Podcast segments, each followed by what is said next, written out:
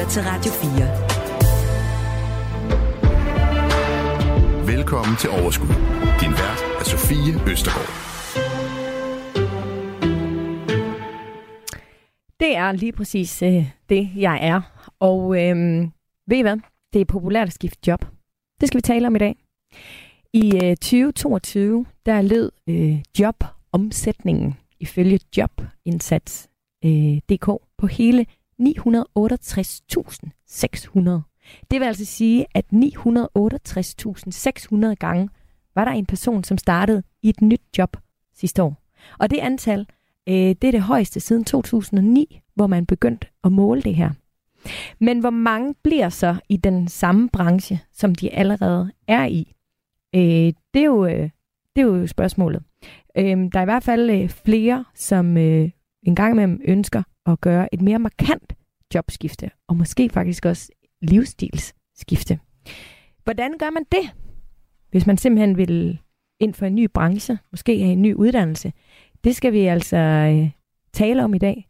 Ikke mindst, hvordan man eventuelt kan få råd til det. Fordi det er jo også øh, ret vigtigt, at man kan få familiens eller sin egen økonomi til stadig øh, at hænge sammen. Ikke mindst, hvilke uddannelser man kan tage, hvis man nu for eksempel er noget lidt op i årene. Alt det, det får vi styr på i dag. Så rigtig hjertelig velkommen til en genial omgang overskud, hvis jeg selv skal sige det. Du lytter til Radio 4. Vi har hørt om folk, der har skiftet øh, til et helt nyt job. For eksempel så har det skabt overskrifter, at et par politikere har valgt en ny øh, levevej. I august i år, der meddelte tidligere øh, minister og tv-vært Christine øh, Anturino, Anturini, at hun stoppede som direktør i LIFE, der er et videnskabeligt læringscenter ved Novo Nordisk, og nu vil hun uddanne sig til sygeplejerske. Øh, og sådan har lød det i Radio 4 tilbage i 2020, da Mette Bock efter fire år som folketingspolitiker for Liberal Alliance Heraf tre som kultur- og kirkeminister i Lars Lykkes øh, regering og chefstillinger hos Muskelsvindfonden, Jyske Vestkysten og DR besluttet sig for at ville uddanne sig til præst. For mig giver det rigtig god mening. Jeg har været kirkegænger hele mit liv. Øh, jeg har beskæftiget mig med kristendom og folkekirke hele mit liv. Og jeg synes, at det kunne være interessant at få lov til at bruge nogle år på også at virke som præst. Og vi ved, at der bliver præstemangel her i de kommende år. Og når jeg hører de her historier, så synes jeg jo, altså det første jeg tænker, det er, nej, var det dog fedt, at, øh, at der er nogen, der ligesom bare tør at tage springet og faktisk går op i at have det fedt. Det næste, jeg tænker, det er, at hvis man har været minister, og hvis man har været direktør, så kan det måske også være en lille bitte smule lettere at skifte retning i sit liv, hvis vi tænker på de økonomiske problemstillinger, der også kan være. Men hvordan gør man, hvis man for eksempel som helt almindelig lønmodtager gerne vil skifte retning, og man også skal både have styr på økonomien og på uddannelsen, og det hele taget finde ud af, hvad man gerne vil. Det er det, som øh, vi i dag skal tale om, og derfor er jeg helt vildt glad for at kunne byde velkommen til mine gæster i dag. Anne-Charlotte Nordahl Nielsen, velkommen til. Tak skal du have. Du er e-vejleder øh, i det, der hedder Tjek dit arbejdsliv, som ligger under Styrelsen for IT og Læring.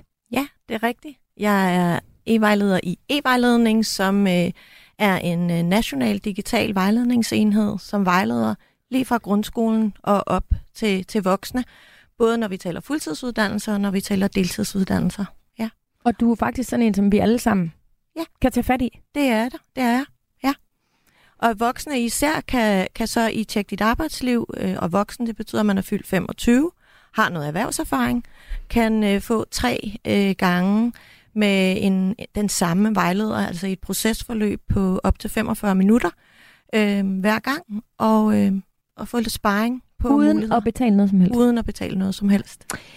Jeg er rigtig glad for, at øh, du vil være med i dag, og jeg anede ikke noget om det her tilbud. Det kan også være det, fordi jeg ikke som sådan lige selv har opsøgt det, øh, men øh, genialt, at der jo faktisk er den her mulighed, ja. og rigtig dejligt, at du vil være med i dag. Jeg tænker netop, at du skal være med til sådan at gøre os lidt klogere på, altså hvad der er af muligheder, hvordan vi overhovedet finder vores vej igennem den her jungle, hvor der jo er rigtig mange muligheder, men jo også bliver en lille smule begrænset til, hvad, hvad der giver mening for mig og det sted, jeg er i, i mit liv, og ikke mindst, øh, hvis jeg også har familie og andre forpligtelser.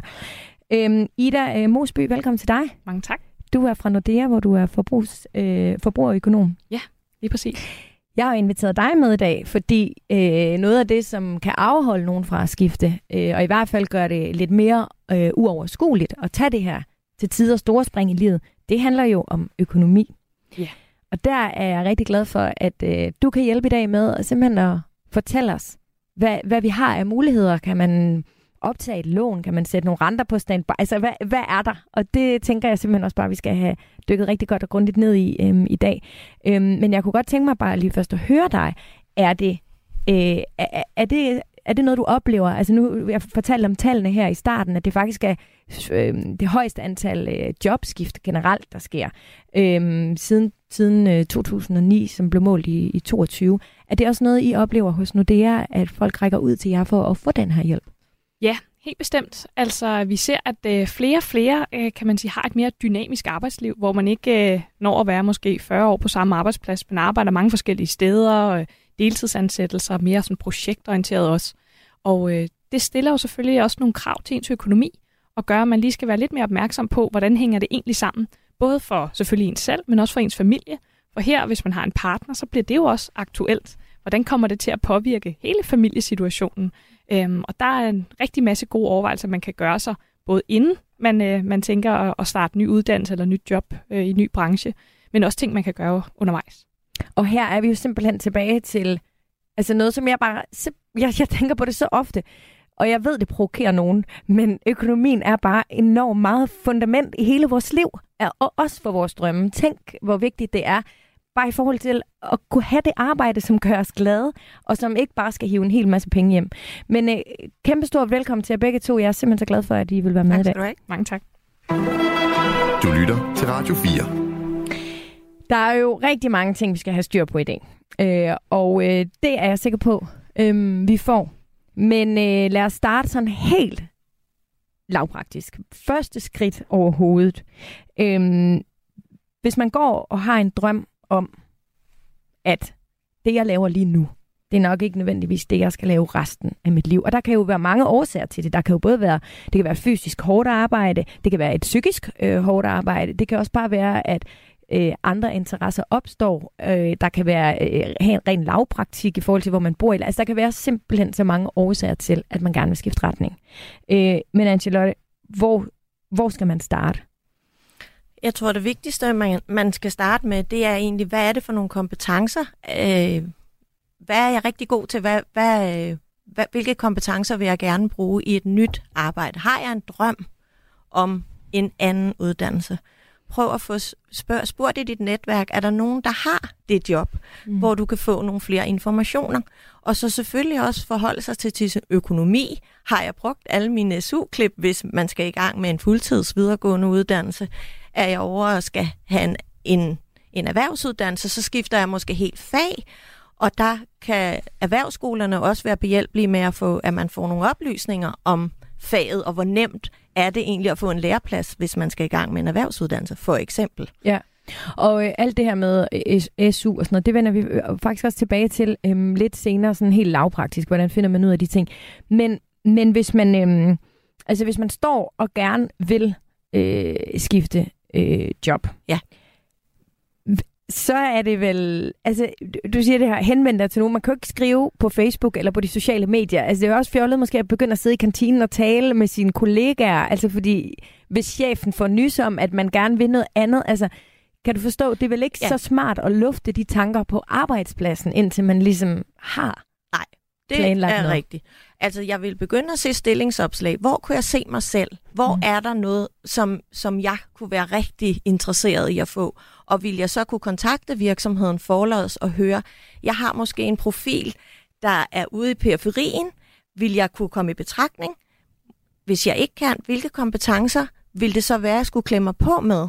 Mm. Og hvor skulle jeg have de kompetencer for at blive attraktiv? Så jeg, så jeg får det her reality check.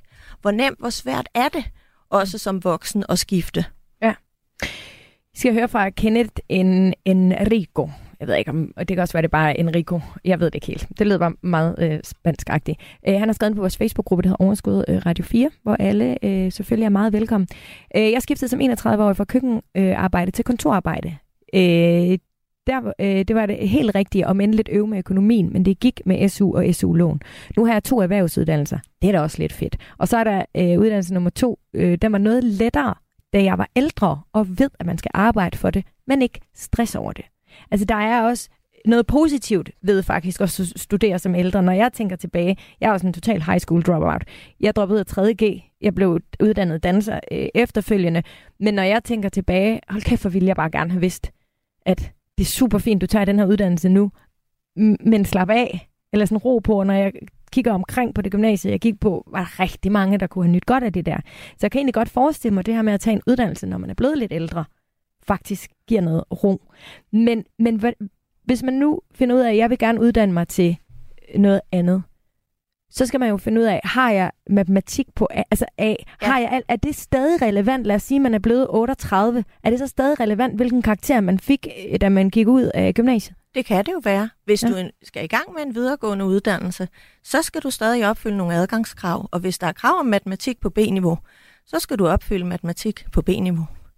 Øh, så, så i forhold til at tage en fuldtidsuddannelse, så vil du skulle opfylde adgangskraven på lige fod med, med et ungt menneske, der kommer direkte fra gymnasiet. Hvorimod, hvis du skal i gang med en erhvervsuddannelse, så vil, og du er fyldt 25, så vil du altid blive reelt kompetencevurderet. Det vil sige, ja, det man går ind og kigger på, på din uddannelsesbaggrund, din erhvervserfaring, øh, vurdere det op imod de faglige, specifikke krav, der ligger på den enkelte erhvervsuddannelse, så man bliver målt imod den enkelte ud- erhvervsuddannelse, man vil søge. Mm. Og så kan, så kan det i nogle tilfælde godt lade sig gøre at kunne forkorte den. Ja. Men Fordi det, man simpelthen får merit, eller man, man får ja, noget... Ja, det, det vil du. Øh, for eksempel på elektrikeruddannelsen, hvis du har en gymnasial uddannelse, så har du allerede matematik typisk på et højere niveau, end det du vil blive mødt med på, på en erhvervsuddannelse. Men det, det er alene en vejleder på uddannelsesstedet, som vurderer det. Okay. Øhm, og og det, man kan godt forlås få en uformel samtale med en vejleder, men ellers i forbindelse med optaget, så vil du altid få en reel kompetencevurdering med henblik på at forkorte. Ja. Og hvis jeg så finder ud af, øh, øh, nu har jeg fundet ud af, hvad jeg gerne vil studere, jeg har talt med vejlederen om, hvordan det skal foregå. Ja. Skal jeg så ind og gå sammen med de 21-årige? Det kan godt ske, ja. ja.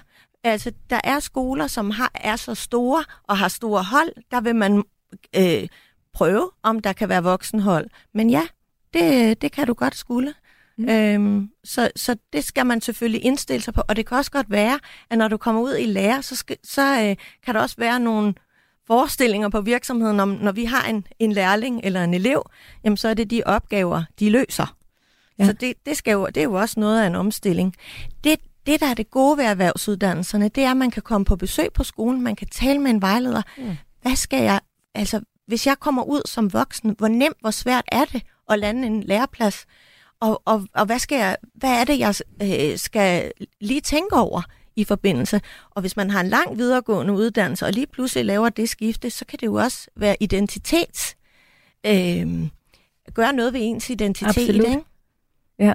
Så, så der er mange overvejelser, men de er rigtig gode at få med på råd, og også i forhold til økonomi, der kan man også spørge skolen eller den enkelte fagforening inden for faget, ja. for hvad, hvad bliver min løn? Ja det er også meget fedt at få en ekstra rustur. Jeg lavede, jeg lavede et, øh, et program på DR øh, om, øh, om økonomi, hvor øh, jeg havde skønne Laura, Laura op fra Vindø, som så nu skulle læse psykolog i Aalborg. Og hun var øh, 54 og var med på rustur og sådan noget. Altså, hvor hun jo også bare, det greb hun bare, og så var det ligesom det. Og det var simpelthen så inspirerende ja. at møde hende, der bare, det var hendes kæmpe drøm at blive ja. psykolog. Ja. Og de, de klarede det bare. Altså, det er ja. jo 100 gange vigtigere, end at ja, alt muligt andet. Altså, det handler jo om, om prioriteringer. Ja, og jeg tror, som voksen har du også en anden, du har en anden forudsætning for at gå i gang med et videregående studie. Du har noget ballast, du har noget praksiserfaring, ja. som gør, at den teori, du får i, den, den kan du sætte på plads på en anden måde, ja. end når man er helt grøn og kommer fra, eller grøn, men når man er ung og ja. måske ikke har været på en arbejdsplads. Og, øh, Nej, præcis. Hun altså, jo 12, altså jeg er absolut ikke sådan en, der går op i karakter, men hun hæver jo bare skide gode karakter hjem, fordi hun bare var så klar, og hun, bare, og ja. hun havde hele sin erfaring med livet, altså at tage med ja. ind i det her, ja, den her uddannelse. Ikke? Ja. Antilotte, hvem, hvem skifter, altså er det, er det nogle, hvem møder du, der gerne vil skifte job? Kan, man, kan du sige noget om det? Er det... Mm, altså vi har haft over 800 igennem i løbet af de to år, hvor vi har købt Tjek dit arbejdsliv forløb. Okay. Der har været en del øh, med velfærdsuddannelser, lærer, sygeplejersker, pædagoger for eksempel, som, som øh, gerne vil øh, skifte spor. Hvad kan de bygge ovenpå, eller skal de noget helt andet? Mm. Øh, så så der, der kan være, men øh, også mange, der måske har, har haft, det kan være kunstnere, det kan være altså nogen, hvor de, hvor de skal ud og sælge sig selv, som kan blive ret krævende ja. som også henvender sig. Men, men det kan også være, jeg havde også øh, en med en lang videregående, som ville prøve møbelpolsterfaget, mm. øh, hvor, hvor, øh, hvor hun kom ud og var i praktik øh, og prøvede det af. Øh, og fandt ud af, at det måske, måske ikke var helt så øh, en, en løsning for hende i forhold til hendes familieliv. Okay. Det, det, det kan man jo også finde ud af. Ja. Men så er det da federe at finde ud af det, end at gå rundt Præcis. og drømme om, at ja. tænk nu, hvis mit liv ja. var meget federe, hvis jeg var møbelpolster. Præcis. Ja. Og, det, det, og der er det godt at kunne komme ud på en erhvervsskole, møde værkstedet eller undervisningslokalet, tale med en vejleder, tale med en faglærer, måske endda nogle af, af dem, der går på skolen, for at, at blive, det bliver mere virkeligt. Ja. Du lytter til Radio 4. Ida, i forhold til økonomi, altså den økonomi, der ligesom er forbundet med at skifte spor, altså sådan rent jobmæssigt, øhm, kan alle få råd til for eksempel at tage en uddannelse mere? Altså, der vil sige, det kommer meget an på, øh, hvor villig man er til at skifte. Øhm, fordi som udgangspunkt, ja, så kan alle jo få råd, hvis man øh, vælger at skære sine udgifter tilpas meget ned, og ligesom vil gå tilbage til, til studieforhold. Øh, men det er selvfølgelig klart, hvis man har en familie, hvis man har børn, hvis man har øh, nogle, nogle udgifter, man ikke kan, kan lægge om, så kan man selvfølgelig ikke nødvendigvis lige gøre det, medmindre man har planlagt det i rigtig god tid. Så det er både et spørgsmål om, sådan, hvor, hvor villig er man til det, øh, og, øh, og, og hvor meget kan man sætte til side indtil da. Og så kan det også være lidt timingsmæssigt i forhold til, øh, hvor, hvor længe skal man vente på, at man kan starte den her drøm, hvis det handler om, at man skal spare nogle penge op til det først. Mm. Så det er meget forskelligt. Øhm, og så er der selvfølgelig også noget med sådan, øh, hvordan vil man gerne have, at livet ser ud efter uddannelsen? Fordi, som jeg plejer at sige, så er der, sådan, der er både det med at fokusere på budgettet, og hvordan hænger økonomien sammen, når man så er i den her nye uddannelse, men også at kigge på, hvordan ser mit, mit liv og min, min økonomi så ud efter uddannelsen. Og der er det jo ikke ens betydende med, at man, altså, det er ikke nødvendigvis, at man skal ud og tjene mange penge, for det er en god idé. Bestemt ikke. Men man skal selvfølgelig tænke over, hvad er jobmulighederne? Mm. Hvad er jobsikkerheden? Øhm, der kan være en masse andre parametre, end lige hvad man får i løn. Netop også det her med, som, som vi lige har været inde på med, med vilkår. Altså, hvordan hænger livet sammen? Er det fleksible arbejdstimer, eller er det meget låst på, hvor man skal være, hvornår? Øhm, er det noget, hvor man er ude og, øh, og, og tager forskellige øh, øh, hvad kan man sige, jobs ind? Øh, skal man selv ud og sælge sig selv og ligesom pitche sig selv ind som selvstændig, eller noget, hvor man ligesom på den måde er, er projektansat? Eller har man sådan et meget sikkert job, man sidder i og, og har en fast hverdag med det. Ja. Så der er sådan nogle ting, man skal tænke over. Så er der selvfølgelig sådan det helt lavpraktiske økonomiske. Hvad bliver den forventede løn? Hvor meget bliver der betalt ind til pension? Øh, hvad er der? Kan der være gode vilkår? Øh, det kan være, at man tænker, man godt kunne tænke sig at stifte familie eller udvide familien. Så er det jo også sådan noget med barselsvilkår og andre ting, der kan være gode at tænke over, øh, når man kigger på den her fulde pakke i forhold til at skifte. Mm. Og øhm, senere i programmet, der vil jeg også meget gerne tale om sådan konkrete øh, muligheder i forhold til lån eller alle de her ting. Men jeg kunne helt vildt godt tænke mig at stille dig et spørgsmål, som jeg egentlig har tænkt mange gange, at jeg vil spørge nogen fra en bank om. Går banken overhovedet op i følelser? Eller er det bare Excel-ark og kolde øh, tal? Altså, er I, er I skide ligeglade med vores følelser? Eller spiller det lidt en rolle, når vi taler mere?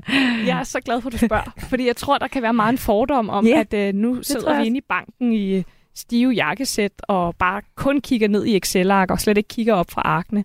Og heldigvis er det slet ikke sådan. Øh, så jeg vil virkelig anbefale, at man, øh, man booker en tid med sin rådgiver øh, og kommer ned i banken og får en snak om det her. Fordi man kan sige, øh, udgangspunktet i forhold til økonomi, det er jo, det handler jo om at strikke det sammen på den bedst mulige måde for en selv. Mm. Men det handler jo om, hvad man drømmer om. Mm. Øh, som du også øh, sagde i indledningen, så, så i virkeligheden økonomien, det er jo bare midlerne. Det er jo bare det, der giver muligheden for at leve det liv, man drømmer om. Så det er jo ikke et spørgsmål om, at man nødvendigvis skal spare meget op eller tjene meget. Det er mere et spørgsmål om, at man får, får de muligheder, man gerne vil. Og for nogle af det at kunne købe et et hus i et bestemt område, som så måske koster noget mere, eller kunne have mulighed for at rejse, men for andre, der vægter man måske fritiden, fleksibiliteten højere, og så er det ikke så vigtigt præcis, hvor meget der tigger ind, fordi man er god til at holde forbruget nede. Så, så jeg vil faktisk sige, at økonomi handler rigtig meget om følelser og drømme, og der kan også øh, i, i den forbindelse opstå nogle konflikter, blandt andet i parforhold. Øh, netop for eksempel, hvis man vælger at skifte retning, så kan det være, at den ene part tænker, og det er jeg lidt ked af, fordi det, det kommer jo til at ændre, hvad vi, hvad vi har samlet set. Så det er også der, det er en rigtig god idé, at man lige får snakket sammen med, med sin partner om, hvad, hvad er det egentlig, man gerne vil prioritere, sådan, så man mm. ikke vælger at sige, nu, nu skifter jeg, nu går jeg så bare ned i løn, det håber du med på, så det er det ikke lige til den store sommerferie. Æ, så derfor kan følelserne virkelig også spille ind i det her. Jeg har nogle gange en fornemmelse af, at øh, vi har en tendens til at tage i banken, øh, måske en smule for sent faktisk i en proces. Ja. Altså, øh, min oplevelse er, at øh, hvis man kommer til banken og siger, det er det her, jeg drømmer om, hvordan gør vi? At det er faktisk okay. Mange de tror, de skal komme i banken og sige, det her er min drøm, jeg har tænkt mig at gøre sådan her, er det okay for jer? Altså at de faktisk godt kan være med til at lægge den her plan, og man faktisk kan få en masse vejledning i banken, som jo det er jo ikke gratis, fordi vi betaler jo alt muligt til jer, mm, men der, der, der tigger ligesom ikke en timepris, ligesom der måske vi gør ved en revisor øh, eller andre Øhm, ja, helt bestemt. Er det rigtigt? Øh, det er helt rigtigt. Øhm, det, har, det har jeg også lavet nogle undersøgelser, der viser, at vi har en masse fordomme omkring at gå i banken. Og der er det jo også bankens opgave at, at komme ud og vise, at, at vi vil altså rigtig gerne kunderne, øh, også inden de står og skal tage beslutningerne for netop at, at rådgive. Fordi det er helt rigtigt. Mange af de her ting bliver meget nemmere at, at få til at lykkes, hvis man er ude i god tid. Mm. Så det banken, for eksempel, hvis man går ned til sin rådgiver vil kigge på, det er at sige, hvordan kommer din økonomi til at hænge sammen? Øh, hvis du for eksempel vil have en ny uddannelse, hvad kommer du til at have indtægt, hvis overhovedet nogen indtægt? Hvad kan vi så gøre allerede nu for at se på, kan du sætte noget til side? Kan man sætte nogle øh, afbetalinger på pause på nogle renter? Kan man lægge nogle lån om? Kan man låne i friværdi? Der kan være alle mulige forskellige muligheder, man kan gøre. Men hvis man kommer lige sidste øjeblik og siger, nu er jeg blevet optaget på en studieplads, så kunne det være noget forarbejde, man kunne have fået hjælp til at gøre, ja. som man så går glip af. Og det gør jo så situationen lidt mere vanskelig, når man så står og skal starte i næste uge. Så vi ringer først til øh, Anne-Charlotte, og øh, får lidt øh, god vejledning der, finde ud af, hvad vi vil, taler eventuelt med et studie eller øh, en potentiel voksen læreplads eller øh, noget andet. Øh, eventuelt bare ja, et, et andet job. Og så ringer vi til jer i banken øh, med det samme. Men øh, nu skal I øh, høre, jeg har nemlig lidt tal, og så skal vi snakke med nogen, som faktisk har taget det her spring. Du lytter til Radio 4. Jeg elsker jo sådan lidt... Øh, statistikker og ting, der kan fortælle øh, os øh, nogle ting. Og nu skal I høre nogle, nogle ting, som jeg i hvert fald synes var rigtig interessant. Konsulenthuset øh, Balliser har i, øh, i en øh, kandidatanalyse for 2022 øh, fundet frem til følgende. 26 procent af danskerne har søgt et nyt job inden for det seneste år. Lysten til at skifte job er lidt højere hos kvinder. 28 procent af kvinderne har søgt job inden for det seneste år, mens det er 25 procent af mændene, der har gjort det samme. Nogenlunde ens, ikke? Derudover så skriver de desuden, at mænd 16 procent af mænd, de skifter, øh, 16 procent af mænd, øh, skifter ofte øh, job på grund af en bedre løn end kvinderne. Det er kun 8 procent af kvinderne, der bruger det som argument. Øh, de 35-49-årige, de skifter ofte job, fordi de kører sur i kedelige opgaver. 18 procent. 35-49-årige øh, samt 50 plus, de skifter ofte job, fordi de er utilfredse med chefen. Det gør kun 12 procent af de 18-34-årige. Øh, hvor de 35-49-årige, der er det 18 procent, og 50 plus er 21 procent. Jeg håber, I forstår, selvom det er en helt hulsmasse tal. Øh, der er flere jobskifteårsager, som er mere udbredte i bestemte brancher og jobfunktioner, og det er også ret interessant. Her er der nemlig tre årsager, som jeg synes er værd øh, at fremhæve. Ansatte i offentlig administration, de angiver i høj grad manglende udnyttelse af deres talent og kompetencer som årsag til at skifte. Øhm, Ansatte inden for byggeri, fødevareproduktion, produktion og transport, de skifter oftere end andre grupper job på grund af muligheden for bedre løn. Og ledere, de søger i højere grad end ikke-ledere væk, hvis de føler, at de mangler indflydelse på beslutninger. Så de troede, de skulle være ledere, men fik alligevel ikke lov at bestemme skid. Nu skal I møde et par af vores lytter, som har valgt at skifte til et helt nyt job. Øh, og den første, som jeg har med på øh, linjen, det er dig, Anders Medstrup Mortensen. Velkommen til. Tak for det, Sofie. Anders, øh, du er 45 og har i dag to øh, teenagebørn. Så bare lige for at sætte rammen, så vi ligesom ved, øh, af, hvordan øh, og hvorledes øh, din historie den er. Men for 10 år siden, der ved jeg, at øh, du valgte at skifte, øh, skifte retning. Hvad, øh, hvad var det, du valgte? Jeg havde igen mange år egentlig arbejdet med salg og marketing øh, i nogle mobil- og internetfirmaer. Øh, og det var meget en demotiverende og nedslidende. Øh, og fik noget symptomer på stress og mistrivsel. Så øh, hvis jeg skulle komme videre, så skulle jeg prøve noget helt andet, tænkte jeg. Øh, og så meldte jeg mig ind øh, på et studie øh, som en toårig akademiuddannelse i første omgang, øh, som øh, hedder en serviceøkonom inden for sport og events. Øh, og der startede jeg så i, i sommeren 13. Mm. Og altså, den her beslutning, som jo er en, en stor beslutning i en alder af 35 år, at gå tilbage mm. på på lærerbænken, øh, kan man sige, ikke? Altså, og, og skulle på SU. Øh, på det tidspunkt havde I jo også øh, børn. Hvordan, altså, så det er jo ikke bare en beslutning, vi har også været lidt inde på det, det er jo ikke bare en beslutning, at du kan træffe.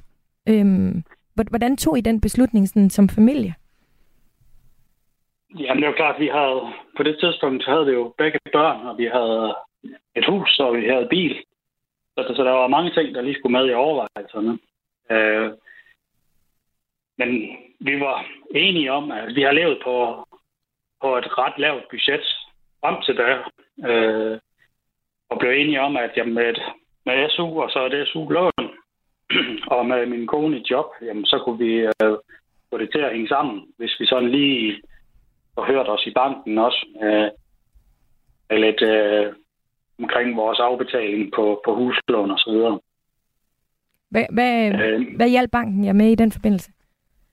Jamen, vi fik øh, i en periode øh, nedsat vores ydelse, sådan at vi, vi, vi kun betalte øh, renterne i en periode faktisk øh, på det lån. Øh, og så da vi ligesom holdt øh, holdt beløbet på, på det, det var, da, vi, da jeg startede på SU. Øh, og så så vi bare for at betale renterne, indtil øh, vi så fik lidt flere penge igen.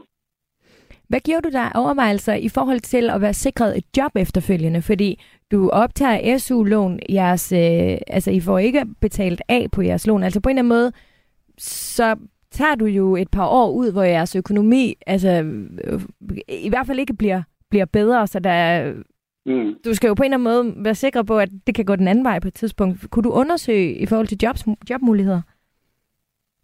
Øh, jamen, jeg var, det gjorde jeg egentlig ikke. Øh, en hel masse, og det, og det var simpelthen med baggrunden i, at, at der bare skulle ske noget andet for mig. Øh, og at, at vi var enige om, at det kunne vi håndtere. Øh, at det så er lykkedes bagefter, det er jo bare super dejligt. Øh, og, og jeg troede på det hele vejen, men jeg havde ikke noget ligesom på hånden på forhånd. Du havde ikke nogen søvnløse nætter, hvor du ligesom lå og tænkte, okay, det er meget, vi har, vi har sat på spil her, hvis ikke jeg lykkes med at få et job efterfølgende. Eller havde du en plan B? Jamen, jeg havde jo den plan, at jeg kunne altid vende tilbage til noget af det, jeg havde lavet før. Øh, hvor jeg har, har meget, meget netværk inden for, for de her ting. Så, så der kunne jeg komme tilbage. Øh, men øh, jeg, jeg havde en stor tro på, at jeg kunne komme videre til noget andet, og, og noget, der også var, var bedre for mig, og noget, som jeg kunne trives i. Og hvordan, Anders, hvordan har du det med dit valg i dag?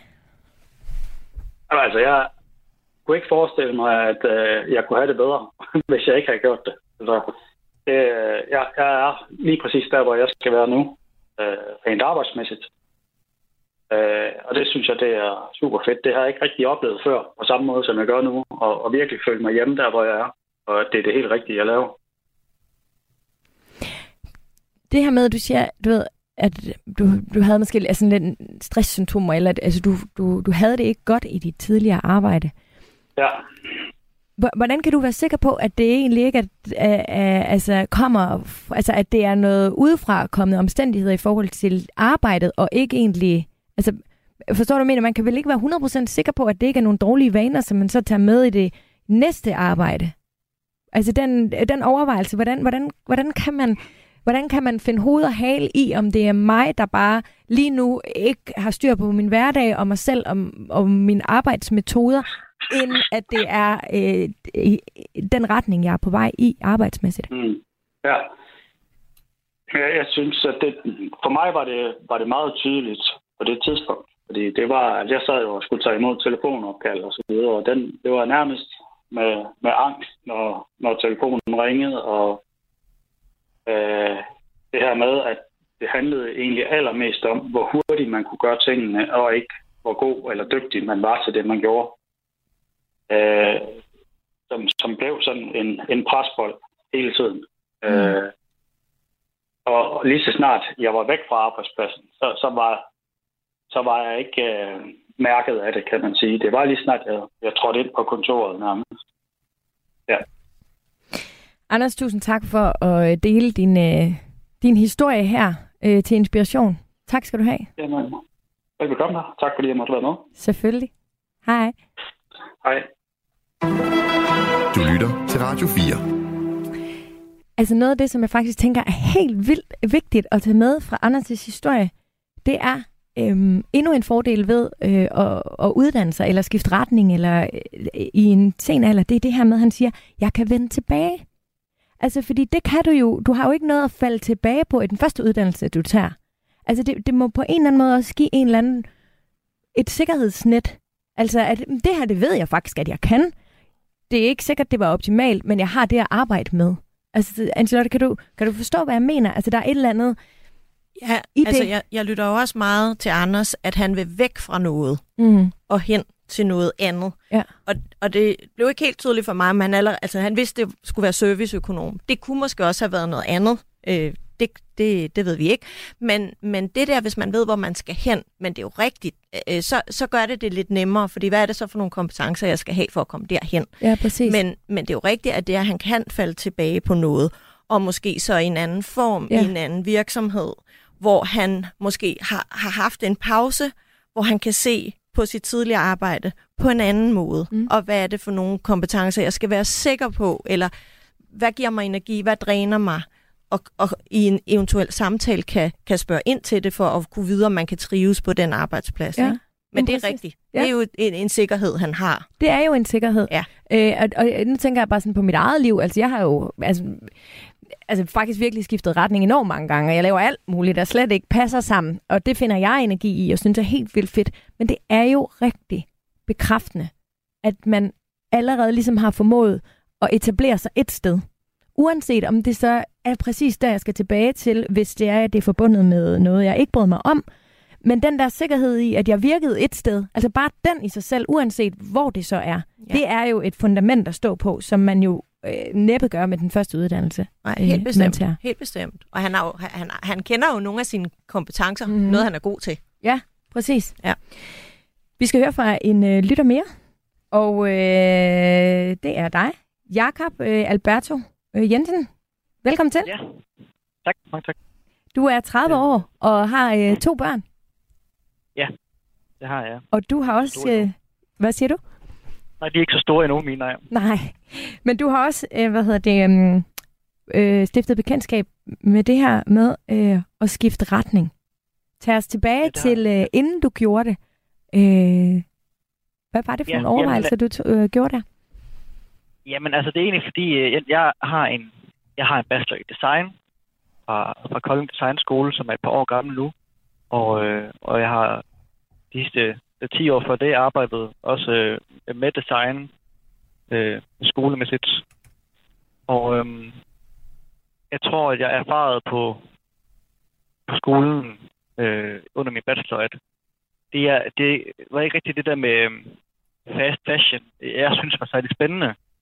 Og, og ligesom den måde, vi blev pæset til at, at skulle lave noget for andre øh, på den måde. Øh, og så kan jeg huske, at så blev færdig, der havde jeg en, en, en jobsamtale hos, øh, hos, hos Bestseller, hos Jack Jones. Og jeg, jeg tænkte til mig selv, øh, da jeg, jeg kom ud, var sådan, det er godt nok, øh, det er godt nok spændende det her.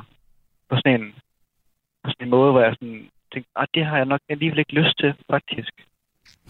Det er ikke fordi, at altså, de var, de var øh, flinke nok, som de var, men ja. jeg kunne godt mærke, at det var måske ikke lige der, jeg skulle hen. Øh, og så var det, jeg kom til hvordan, at kan du mærke, hvordan kan du mærke, det er spændende? Er det, er det med hjernen, det er spændende, men med hjertet, at du ikke passer ind? Er det, er det sådan noget? Ja, altså, jeg- jamen, fordi jeg tror, jeg, jeg tror øh, meget, det handler om det der med, at jeg måske også øh, tog øh, den her bacheloruddannelse, ikke for, ikke for, hvad kan man sige, ikke for øh, det teoretiske, men mere for det praktiske. Så det her med at, at, at kunne lave noget med hænderne. Mm. Øh, øh, nu er jeg uddannet i accessories, så jeg kan, jeg har lært at lave sko i, i hånden, og tasker og hatte og, og smykker og sådan nogle ting. Ja. Og det er jo det, jeg synes, der var spændende. Og det var det, jeg også, det, var, det kan man sige, det var det, jeg fik mig igennem det stykke der, tre år der, at jeg kunne få lov til at lave noget og øh, at kreere med hænderne. Ikke Mm. kun øh, i, ja, i InDesign. Ja. Ja. Men det var så ikke noget Det for dig? var spændende, ja. Det var ikke Nej, noget for altså, dig? fordi- Og, ja. Det er fordi, øh, altså, det, det, det får man ikke lov til rigtig herhjemme længere, og så, og så, øh, så er jeg sådan, okay, men jeg har heller ikke lyst til at tage til udlandet. Øh, jeg kender jo flere, der arbejder for, øh, har for, eksempel for AMS, hvor man så sidder man, du ved, og, og, og syr tasker dag ud og dag ind. Altså, du får ikke lov til at, at, at udfolde dig. Øh, så jeg tænkte, okay, hvad, skal, hvad skulle det så være, hvis det ikke skulle være det? Og så var der tilfældigvis øh, et jobopslag, øh, på sådan 28 timer eller øh, 22 timer hos, øh, som en kirkegårdsgraver øh, ud af til, hvor vi boede. Og så er jeg sådan, det, det kunne da godt være meget spændende. Jeg kunne godt lige være udenfor, tænkte jeg. Ja. Og så var jeg til samtale, og det fik jeg ikke. Øh, og så sagde de, men det var også kun fordi, at du ved, at øh, jeg havde ikke havde noget, jeg havde ikke havde noget erfaring. Og så er jeg sådan, okay. Nå. Øh, og, øhm, og der var ellers øh, 11 til samtale, ikke også? Så det var egentlig rimelig højt placeret, tænker jeg. Hvad gjorde du så? Og øh, jamen, så, så gik jeg lidt af grundet over det. Det var midt i min, min, min bachelor, og jeg var ved at skrive det her, ikke også? Og de siger, hvad, med, hvad så? Øh, skal du så ikke blive færdig? Sagde, nej, det er lige meget. Altså, det er lige meget for mig, hvis, det, hvis, det, hvis, det, hvis, I- hvis I vælger mig, så er det det, jeg vil. Altså, sådan, jeg var ligesom, hvad kan man sige, jeg var ligesom videre. Mm. Øh, og så uden måske også at få det diplom der. Øhm, og så, så blev jeg arbejdsløs, eller kom på dagpenge. Og øhm, der skulle man ligesom øh, vælge, du ved, øh, det her med, altså du skal vælge noget inden for dit eget felt. Men nu bor jeg i Hobro, så det tætteste, tætteste jeg kunne komme på, det var Aarhus. Og der er jo et job hver anden måned. Ellers skulle man til København, eller lave noget selv. Altså inden for det, som du havde en bachelor i. Ja, ja, altså inden for designfaget, ikke også? Ja. Øh, og, Ja. Eller, eller jeg er jo til Herning. IKAST. Øh, men der var jo sindssygt mange lige der hen over vinteren, der var der var sådan, der søgte grønt, altså grønne an- anlægsgarten og lærling og, og, og, og sådan nogle ting der. Jeg tænkte sådan, okay, men skal vi ikke prøve det så? Så, så valgte jeg de to ting at søge, og øhm, så fik jeg faktisk et job øh, som gravmedarbejder. Og så var vi to derude på de to kirkegårde der sammen og hyggede os. Det var mega, mega fint. Og det, det var bare sådan øh, mega afstressende og behageligt. Ja. Hvad, hvad består dit jeg. job konkret i? Konkret, en konkret ja. ja. Jamen altså mit job består jo konkret i, at øh, når du kommer på kirkegården, øh, så skal der jo gerne være, ikke være alt for meget ukrudt, så skal gerne være øh, slået græs, der skal gerne være klippet hæk, Ja. øh, og revet, og så, så er det jo selvfølgelig også de her, nu har jeg jo så også øh, dobbelt job i, at jeg er kirketjener, så, så øh, jeg skal jo så også stå for hustjenesterne, altså sørge for, at der er blomster og pyntet og rent, Mm. Øh, jeg skal sørge for, at der bliver gravet huller, når folk skal begraves. Men nu er det primært urner, der kommer ned i jorden øh, for tiden. Så det er det. Og så, og så holde det og anlægge, øh, anlægge øh, ja, hvad kan man sige, have Ja. på kirkegården. Men, ja. men Jacob, du kunne formentlig have tjent øh, flere penge, hvis du tog jobbet hos Bestseller. Ja, det, det, det kunne jeg nok helt sikkert. Altså, det, ja, øhm, det var ikke det, der er behov for, øhm, kan man sige, fordi den, hvad kan man sige, den løn, jeg får nu, kontra den løn, som man anbefaler, at en, en designer i de første par år får, er faktisk den samme. Øhm, Udover det, så hjemme også, øh, jeg har et, øh, vi har et lille, en lille gård med en masse dyr og, og grøntsager og sådan nogle ting så jeg, jeg tager jo, altså, jeg tager jo øh, 60 procent, øh, eller 70 procent af min, min udbetalte løn, den kommer jo bare ind på en opsparing. Lever du, øh, lever du drømmen? Ja, det, det, det altså, øh, jeg synes, jeg gør. Ja. Øh, men hvis du spørger mine kammerater, der arbejder for Novo, eller læger, eller hvad de ellers har været, øh, ingeniørerne, øh, så vil de nok mene, det var federe at bo i Aalborg eller i København. Op i Øh, røven med det. Ja, lave noget andet, ikke også? Øh, Præcis. og, det, og det er også fair nok, altså det, og jeg, de er dejlige mennesker, det er ikke det. Mm. Mm. Øhm, og de, er også, de synes også, altså, de synes jo også, det er fedt at komme hjem til mig, og så slagter vi nogle kaniner, eller øh, hugger noget brænde, eller et eller andet. Ved du Øh, hvad, jeg tror øh, i hvert fald et sted ikke hen ad vejen, så lever du altså et liv, som, som mange af os andre i hvert fald. Øh, en del af det, jeg skal overhovedet ikke tale på andres vegne, men der er der et eller andet helt vildt øh, inspirerende øh, ved din historie. Og Jakob, tusind tak, fordi at, øh, du lige vil tage dig tid til at dele den med os her i dag. Jo, selvfølgelig. Det var mega hyggeligt. Tak for, tak for det. Ha' det godt. Ja, lige måde. Tak. Du lytter til Radio 4.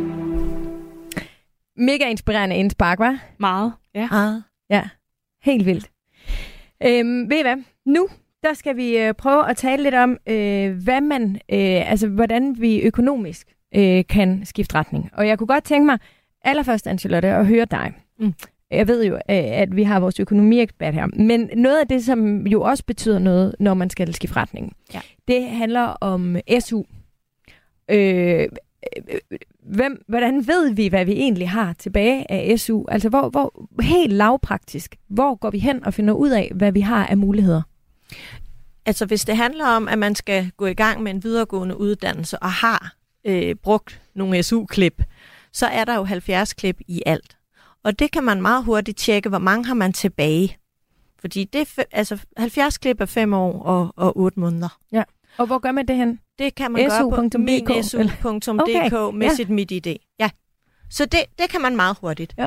Så, kan man, så kan man sige, hvis man ikke har flere klip, ja, så er det ærgerligt. Så kan man ikke få nogle nye klip. Der er, ikke, der er ingen mulighed. Nej, det okay. er der ikke. Men hvis det er en erhvervsuddannelse, så er det i en anden kategori, fordi en erhvervsuddannelse er en ungdomsuddannelse. Okay. Og den kan vi tage fem af, eller starte på fem gange. Så der vil man typisk have noget SU der. Selvom man har brugt øh, Selvom sin... du har brugt op din eller br- brugt din videregående SU, Okay. så vil du godt kunne, kunne få det. Og man kan sige, at i en erhvervsuddannelse, der vil du maksimum, maksimalt have 20 uger, øh, hvor du så skulle leve af SU, fordi der er vi jo igen over i noget økonomi og have råd til det. Mm. Mm. Fordi når du går ud i lærer, så, så får du lærlingeløn Ja. eller elevløn. Og øhm, hvad er forskellen på altså, øh, voksen elev eller lærling og almindelig? Altså kan man, hvis man er oppe i årene, kan man så få en lidt højere øh, lærlingeløn? Ja, Ja. Altså der, skal, der, der kan være noget målgruppe, fordi øh, hvis man kan komme på det, der hedder voksenlærlingeordningen, hvor du så får en løn, der svarer til mindste satsen som ufaglært inden for faget. Det kan man altid høre om i, i, i inden for faget, fagforeningen mm. inden for faget, og det kan man også spørge om på skolen, det vil de typisk også vide. Men, men hvis man kan komme på den, det er ens jobcenter, som så kan sige ja til, at virksomheden får et øh, ekstra tilskud, Tilskud. For, som så Ja. ja. kan betale en højere øh, lærlingeløn. Hvis man ikke kan det, kan det jo også være inden for faget, at der er indgået en overenskomst. Så når man er fyldt 25 og har noget erhvervserfaring med, eller ikke, det skal man også finde ud af i Mm. den, i, inden for det enkelte fag, at der får man en højere løn. Det kan så være lidt dyrere for virksomheden, fordi hvis de skal betale det, og ikke bliver kompenseret. Ja.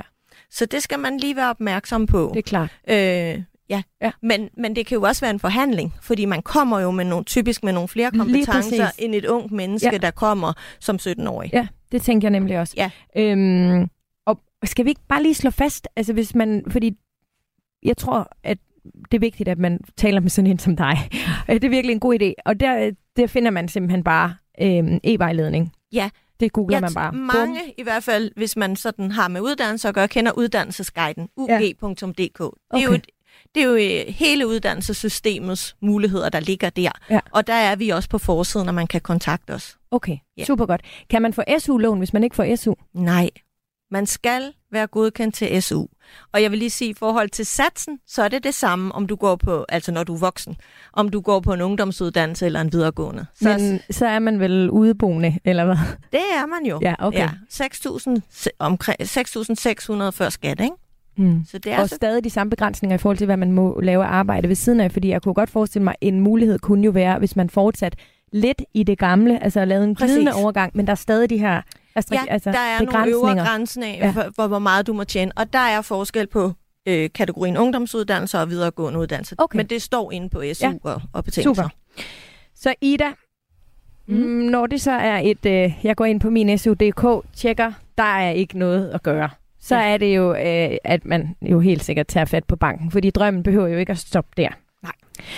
Hvad har vi så altså, af muligheder? Har banker et øh, uddannelseslån, øh, eller har vi et øh, plej dig selv, gør noget godt for dit liv og din familie, få det fedt igen lån, eller hvad, hvad, hvad er der af muligheder? Jeg tror ikke, bankerne lige kalder det de. Det har jeg i hvert Det fald burde ikke de måske, over. fordi så vil man Det forstå det lidt bedre, fordi nogle, nogle af de navne, I kalder de lån, man kan få i dag, de er altså svære både at udtale og forstå. Ja, det giver dig så til helt Det kan du tage med tilbage til, når Det det gør det. Men, øh, men jo, der er selvfølgelig en masse forskellige muligheder. Så øh, man kan selvfølgelig overveje, om man skal låne nogle penge. Og der er, kan man sige, sådan, hver gang man skal låne, uanset hvor man står i livet, så skal man kreditvurderes. Mm. Det er simpelthen nogle regler, som bankerne har, og Finanstilsynet har, sådan så man ikke øh, kommer til at, at, at låne mere, end man kan betale tilbage. Men der er man jo selvfølgelig en lidt speciel situation, hvis man vælger at, at skifte uddannelse og måske være på SU, eller måske slet ikke få noget. Øhm, så derfor kan det være sværere at gå ud og få et lån, når man står i den situation. Der er så forskellige muligheder. Det kan være, at man kan have noget kassekredit, eller man, man på anden vis, altså har man en, øh, en bolig. Nu hørte vi jo for eksempel også øh, øh, Anders fortælle her i indslaget om, at øh, jamen, de kunne så nedsætte deres ydelse på deres boliglån, øh, sådan så de kun skulle betale renter i perioden. Ja. Det gør jo virkelig også en forskel. Og lige præcis det har jeg faktisk et øh, spørgsmål til. Mm. Fordi øh, når vi så siger boliglån, så er det fordi, det er et banklån. Går jeg ud fra, der er vel ikke mulighed for, at jeg i mit realkreditlån kan få lov til... Altså hvis, lad os sige, at jeg har lavet en, en aftale om at betale af med afdrag, ikke? så betaler af. Mm. Kan jeg så godt i en periode få lov til ikke at betale af til realkreditten, eller er det kun banklånet, der er Øhm, mulighed for? Der kan være lidt forskel, og Okay. det skyldes, at man kan få forskellige typer af selvfølgelig både banklån, men også realkreditlån, hvor man kan slå øh, afdragsfrihed til og fra. Så noget af det kan være et spørgsmål om, altså i virkeligheden kan man altid ændre sit realkreditlån. Man kan godt omlægge lånet. Det kan der så være fordele og ulemper ved. Nu er renten steget, så det kan være, så vil renten på ens lån formentlig blive højere. Men det kan måske være en fordel, hvis det så kan gøre, at man, ikke, man kan få det afdragsfrit og forskellige øh, andre ja, har man en fast rente, kan man jo måske formentlig også øh, høvle noget af restgælden. Ja, lige præcis. Men jeg mindes bare ikke, at jeg på noget tidspunkt, altså, jeg har et lån øhm, lige nu uden afdrag, og jeg tror da ikke, at jeg kan slå det til eller fra. Altså, er det et bevidst valg, jeg har? Det er noget, jeg har sagt ja eller nej til, da jeg optog lånet. Ja. Det er ikke noget, man bare almindeligvis, hvis ikke man har taget stilling til det, kan gøre. Nej, lige præcis. Så det er, når man optager realkreditlånet, ja. så kan man vælge flere steder, om man vil have det afdragsfrit, øh, eller med afdrag, eller en hybrid, kan man sige, hvor man kan slå afdrag til og fra. Og, og det er formentlig lidt dyrere så. Ja, det er Ja. nemlig en lille smule dyrere, fordi man får den frihed. Men det er jo vigtigt faktisk at tænke den frihed ind, hvis man, hvis man køber bolig, ja. Og man står i situationen, hvor man tænker, jeg har et job, jeg ikke nødvendigvis skal have resten af mit liv. Er det en fleksibilitet, der faktisk er vigtigt for familien at tænke ind?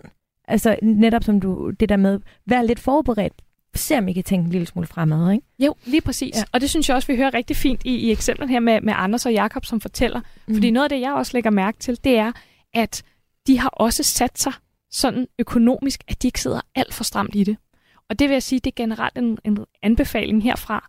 Det er, hvis man i det hele taget går med tanker om, at man ikke skal være bundet af at have det samme job, og man ikke kan skifte, fordi jamen, så kan man ikke betale af på sin lån eller sine dyre udgifter, så er det altså meget befriende, at man, man ikke sidder alt for stramt i det, så man har den der fleksibilitet. For der ser vi nogle gange nogen, som gerne vil have øh, drømmeboligen, som Mhm. der er rigtig mange krav til, vil gerne have den dyreste, lækreste bil, øh, vil gerne kunne rejse og have et højt forbrug, men jo mere man skruer det der forbrug op, og særligt på de udgifter, som så bliver faste, så er det jo, det bliver svært lige pludselig at downsize igen. Så man kan gøre det nemmere for sig selv, hvis man ja, allerede tidligt måske kan mærke, at hmm, det kunne da godt være, at jeg vil noget andet en dag, hvis man gerne vil holde muligheden åben. Så netop for eksempel, hvis man vælger et realkreditlån, overveje, skal man gøre det mere fleksibelt for sig selv, øhm, og skal man lade være med at sætte sig alt for dyrt. Har I et øhm, har I en pangdang, hvis nu man ikke kan få SU-lån? Er der en form for uddannelseslån? Men hvis, selvfølgelig skal man kreditvurderes, det ved jeg. Men, men er der muligheder for så at optage lån, eller skal man ligesom, du ved, have en friværdi, eller en bil, I kan øh, tage pant i, det tror jeg nu ikke, I gør, men du forstår, hvad jeg mener. Ja, altså så det er ikke sådan, at, vi, at, bankerne generelt har sådan et øh, uddannelseslån. Øh, men der er det jo igen, man har nogle forskellige muligheder, også afhængig af, hvordan ens økonomi ser ud. Øh, så det, man typisk vil blive anbefalet først, det er jo selvfølgelig, kan man sætte nogle penge til side selv. Mm. Altså så når man ved det i måske god tid eller ikke så god tid, kan man justere sit budget med det samme.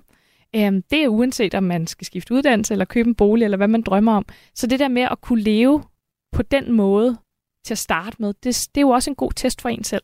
Så lad os sige, at man drømmer om at, at skifte, og, og at man pludselig er på SU, eller måske ingen indkomst øh, har i en periode. Så prøver man med sin partner at se, hvordan hænger det sammen. Altså så man prøver at sænke budgettet øh, og udgifterne med det samme. Øh, så det er selvfølgelig den første idé, det er at spare op og prøve at planlægge det øh, fremadrettet. Den anden mulighed er jo så lånemuligheden. Og, øh, og der vil det også afhænge af ens økonomi, så hvis man, hvis man i forvejen har en stram økonomi, så vil banken være bekymret for at låne dig for mange penge. Og det skyldes jo, hvis du starter på en uddannelse, og du ikke færdiggør den, så har du pludselig et, et stort lån yderligere.